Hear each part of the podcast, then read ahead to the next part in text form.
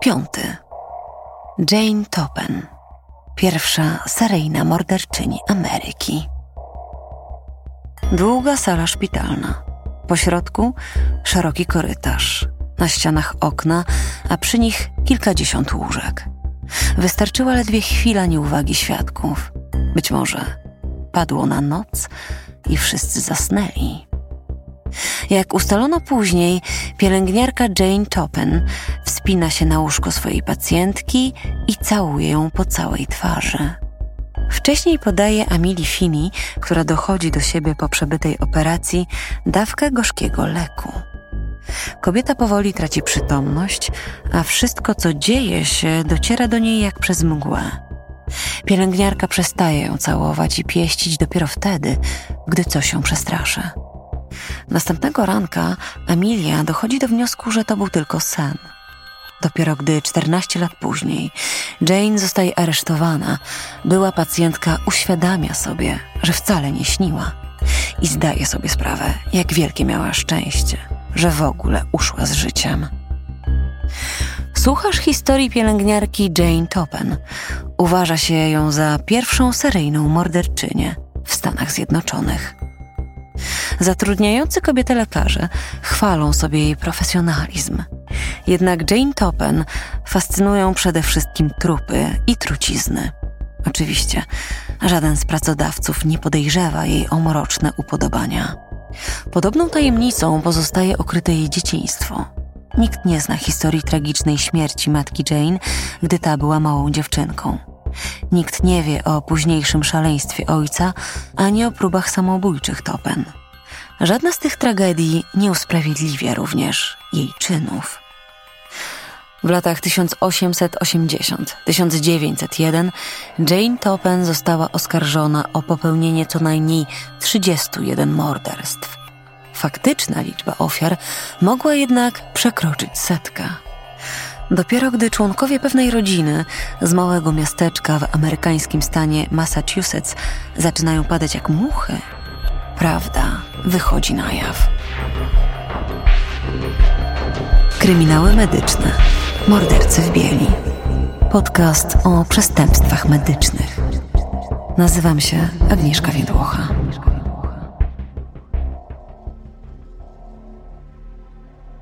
Jane, zwana również Norą Jane Topen, przychodzi na świat w 1854 roku w Bostonie jako Honora lub także Nora Kelly. Według innych źródeł urodziła się w 1857 roku. Jej rodzice to irlandzcy imigranci bez grosza przy duszy. Nora jest najmłodszą z czterech sióstr. Kiedy jej matka umiera na gruźlicę, dziewczynka ma zaledwie rok. Od tej chwili ojciec, Peter Kelly, z zawodu krawiec, stara się samotnie wychować dziewczynki. Jest jednak podejrzewany o znęcanie się nad córkami. W końcu zupełnie traci rozum i podobno próbuje zaszyć sobie powieki. A Nora, wówczas sześcioletnia, oraz jej starsza o dwa lata siostra Dilia trafiają do sierocińca. Jest to azyl w bostońskiej dzielnicy South End, gdzie często porzuca się niechciane dzieci płci żeńskiej. Właśnie tam ojciec zostawia Norę i Dilię, by nigdy nie ujrzeć ich ponownie. W dokumentach z placówki zapisano, że obie dziewczynki zostały uratowane z bardzo nieszczęśliwego domu. Od tego momentu mieszkają w sierocińcu z setką innych dzieci. Każde z nich marzy o tym, żeby znaleźć rodzinę zastępczą, która przygarnie je pod swój dach. Dilia rzekomo zostaje prostytutką. Nora z kolei w wieku 10 lat trafia jako służąca do niejakiej pani N.C.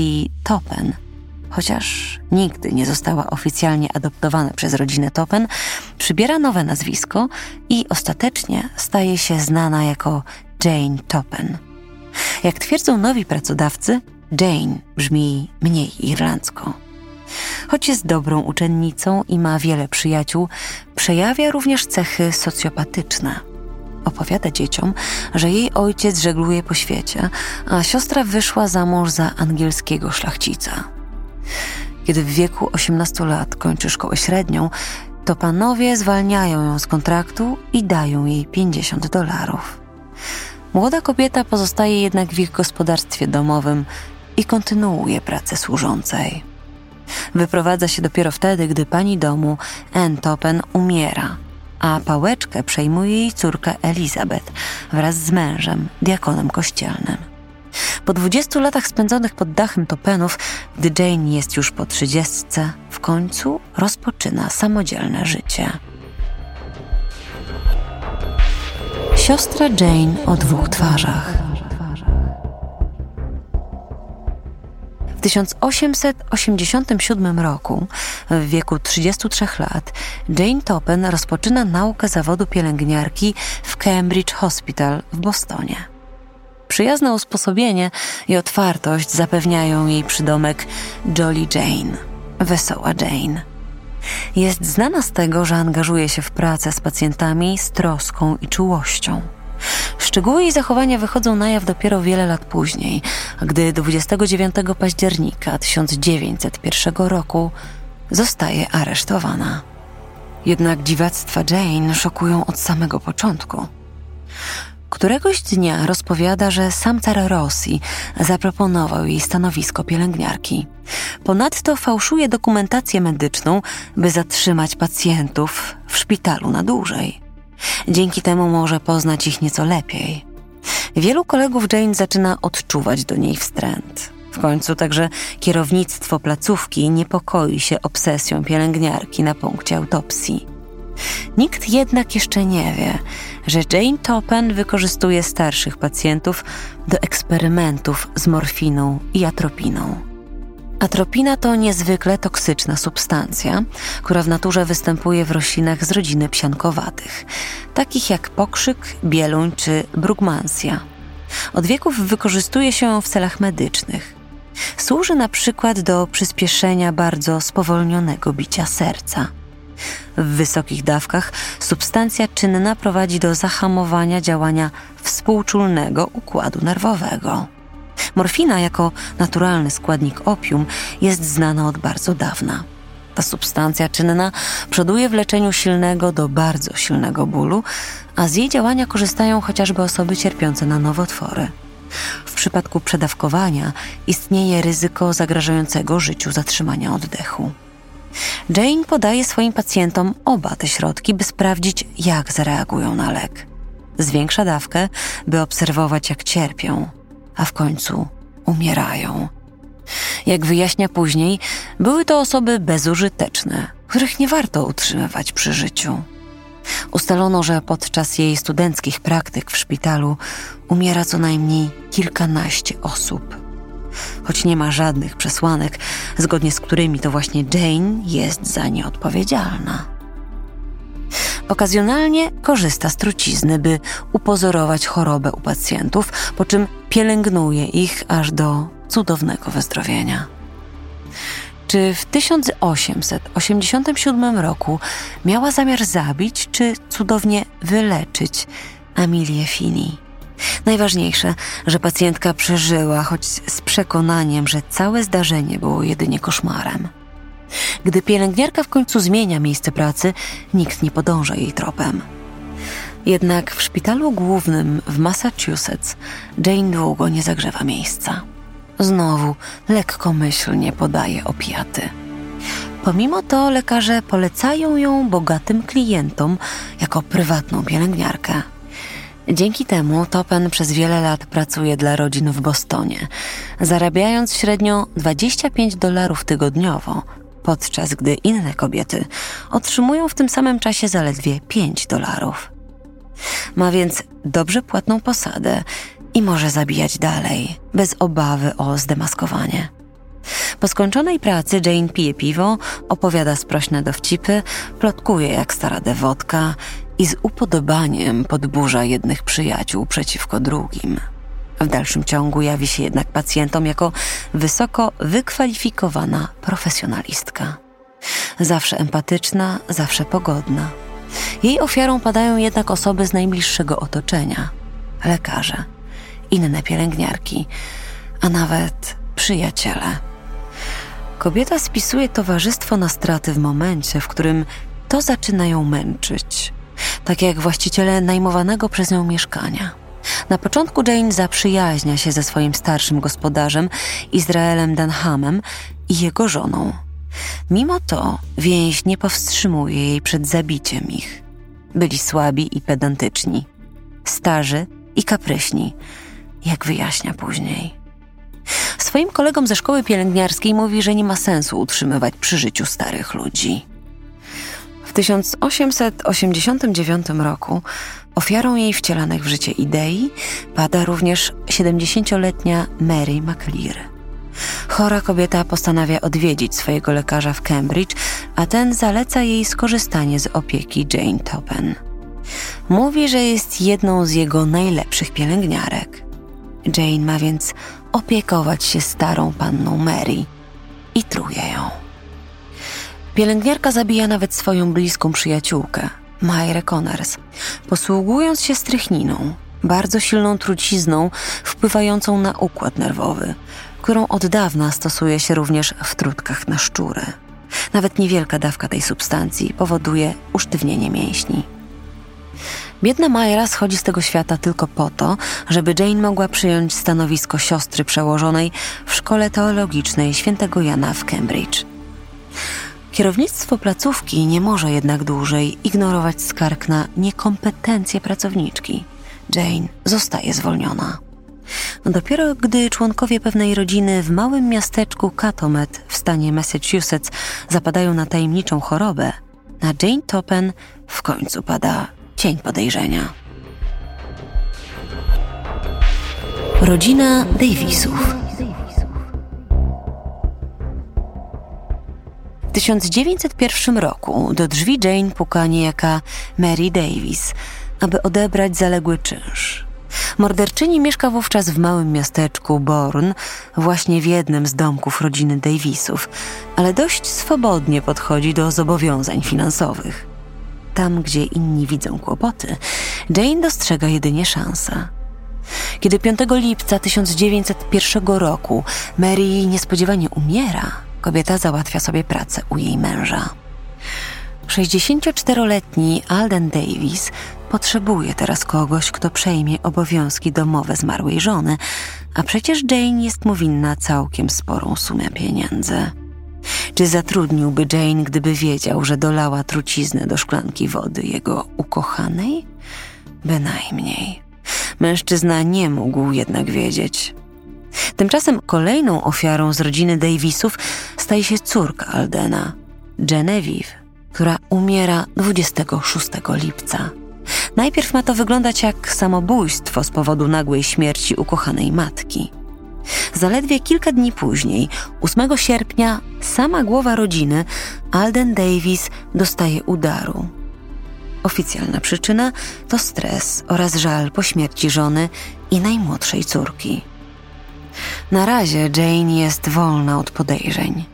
Jednak w nocy 12 sierpnia lub rankiem 13 w niewytłumaczalny sposób umiera również pozostała przy życiu córka rodziny, Minnie Gibbs.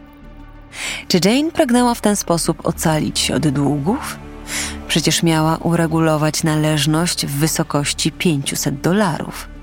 Dziś to równowartość 15 tysięcy dolarów.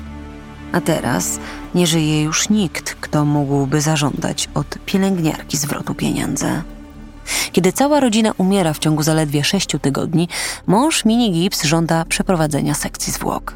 Topen robi wszystko, by temu zapobiec, ale policja podejrzewa najgorsze. Sekcja zwłok potwierdza, że zgony nie nastąpiły z przyczyn naturalnych. Mini została otruta dużą dawką morfiny i atropiny. 29 października 1901 roku Jane Toppen zostaje aresztowana. Dopiero później wychodzi na jaw, że pielęgniarka zabiła również członków własnej rodziny. Tej, która uratowała ją z sierocińca, gdy była małym dzieckiem. Zaplanowane małżeństwo. Elizabeth Toppen Brigham, przybrana siostra Jane, często zaprasza ją w gości także po wyprowadzce. Do domu, w którym Jane się wychowała i gdzie mieszkała przez 20 lat. Podobnie było również latem 1899 roku. Siostry postanawiają wyruszyć na wycieczkę do Bassers Bay. To malowniczy odcinek wybrzeża na południe od Bostonu, w pobliżu Cape Cod. Kobiety biorą ze sobą kosz piknikowy, speklowaną wołowiną, tofi i wodą mineralną. Trzymałam ją w ramionach i nie mogłam powstrzymać zachwytu, gdy z trudem łapała oddech. Relacjonuje później Jane o śmierci Elizabeth. Kobieta umiera od śmiertelnej dawki strychniny. Plan Jane, a może raczej splot pomysłów, do których popycha ją szaleństwo, polega na tym, by po śmierci Elizabeth poślubić jej męża, Oramela Brigham. Ale zanim to nastąpi, czuła siostra musi sprzątnąć ze swojej drogi jeszcze kilka osób.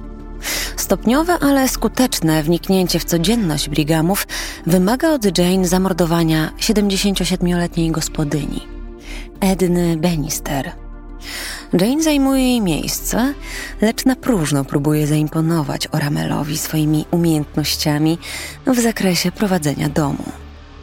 Pan Brigham, który nawet nie domyśla się, że jego bliscy padli ofiarą śmiertelnej gry, wyraźnie daje kobiecie do zrozumienia, że nie widzi jej w swoim domu jako gospodyni, a tym bardziej jako żony. Dramatyczny obrót spraw wymaga planu awaryjnego. Jane postanawia zdobyć serce wdowca za pomocą trucizny, by udzielić mu troskliwej pomocy w powrocie do zdrowia. Jednak ku jej zaskoczeniu i ten sposób nie działa. Zaczyna więc rozpuszczać plotki, że zaszła z nim w ciążę.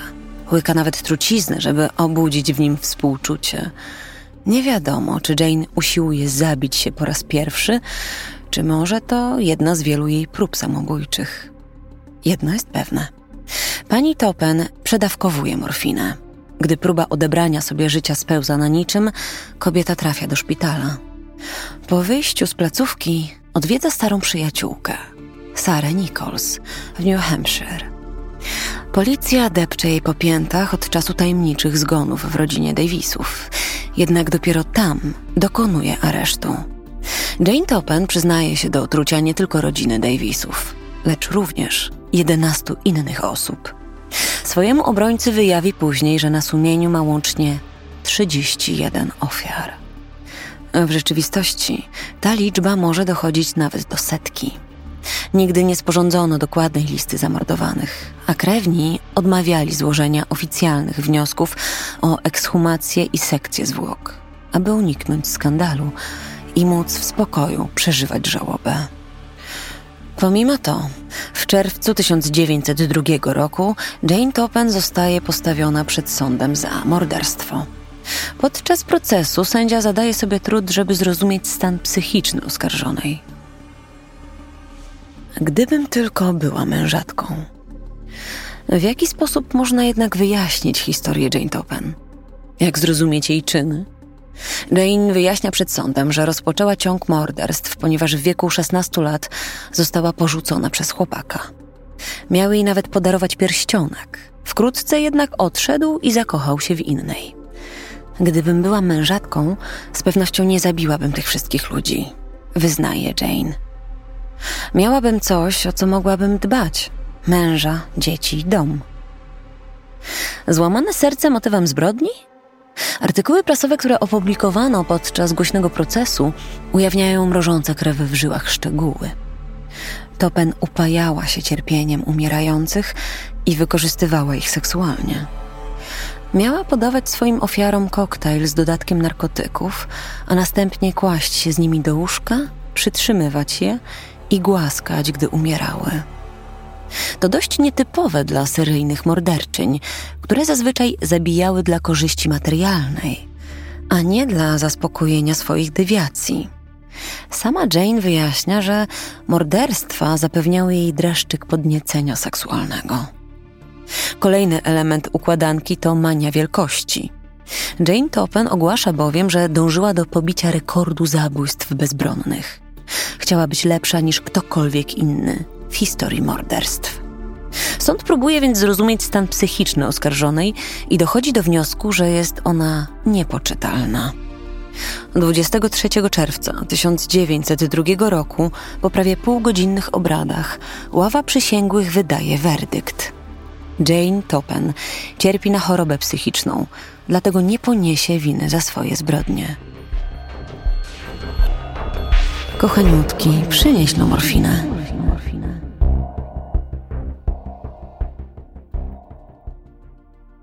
Po wydaniu wyroku Jane Topen zostaje umieszczona w zakładzie dla psychicznie chorych, gdzie dożywa swoich ostatnich dni.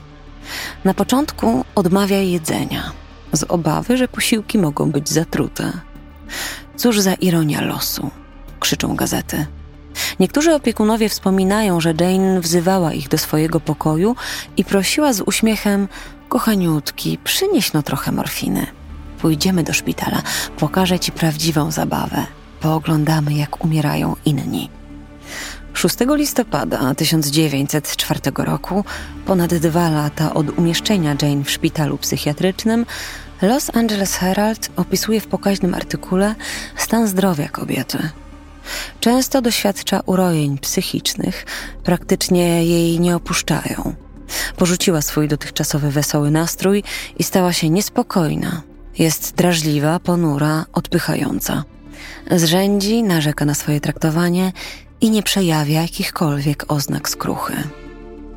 Gazeta przepowiada jej rychły koniec. Szaleństwo, które miało nawiedzać Jane Topen od urodzenia, wkrótce doprowadzi do jej szybkiej śmierci. Najprawdopodobniej w ciągu 12 miesięcy. Zostały z niej już tylko skóra i kości. W rzeczywistości Jane Topen umiera dopiero 34 lata później, 17 sierpnia 1938 roku, w ośrodku dla psychicznie chorych, w wieku ponad 80 lat. Wersja polska, tłumaczenie i realizacja nagrań Roboto Sound. Czytała Agnieszka Więdłocha.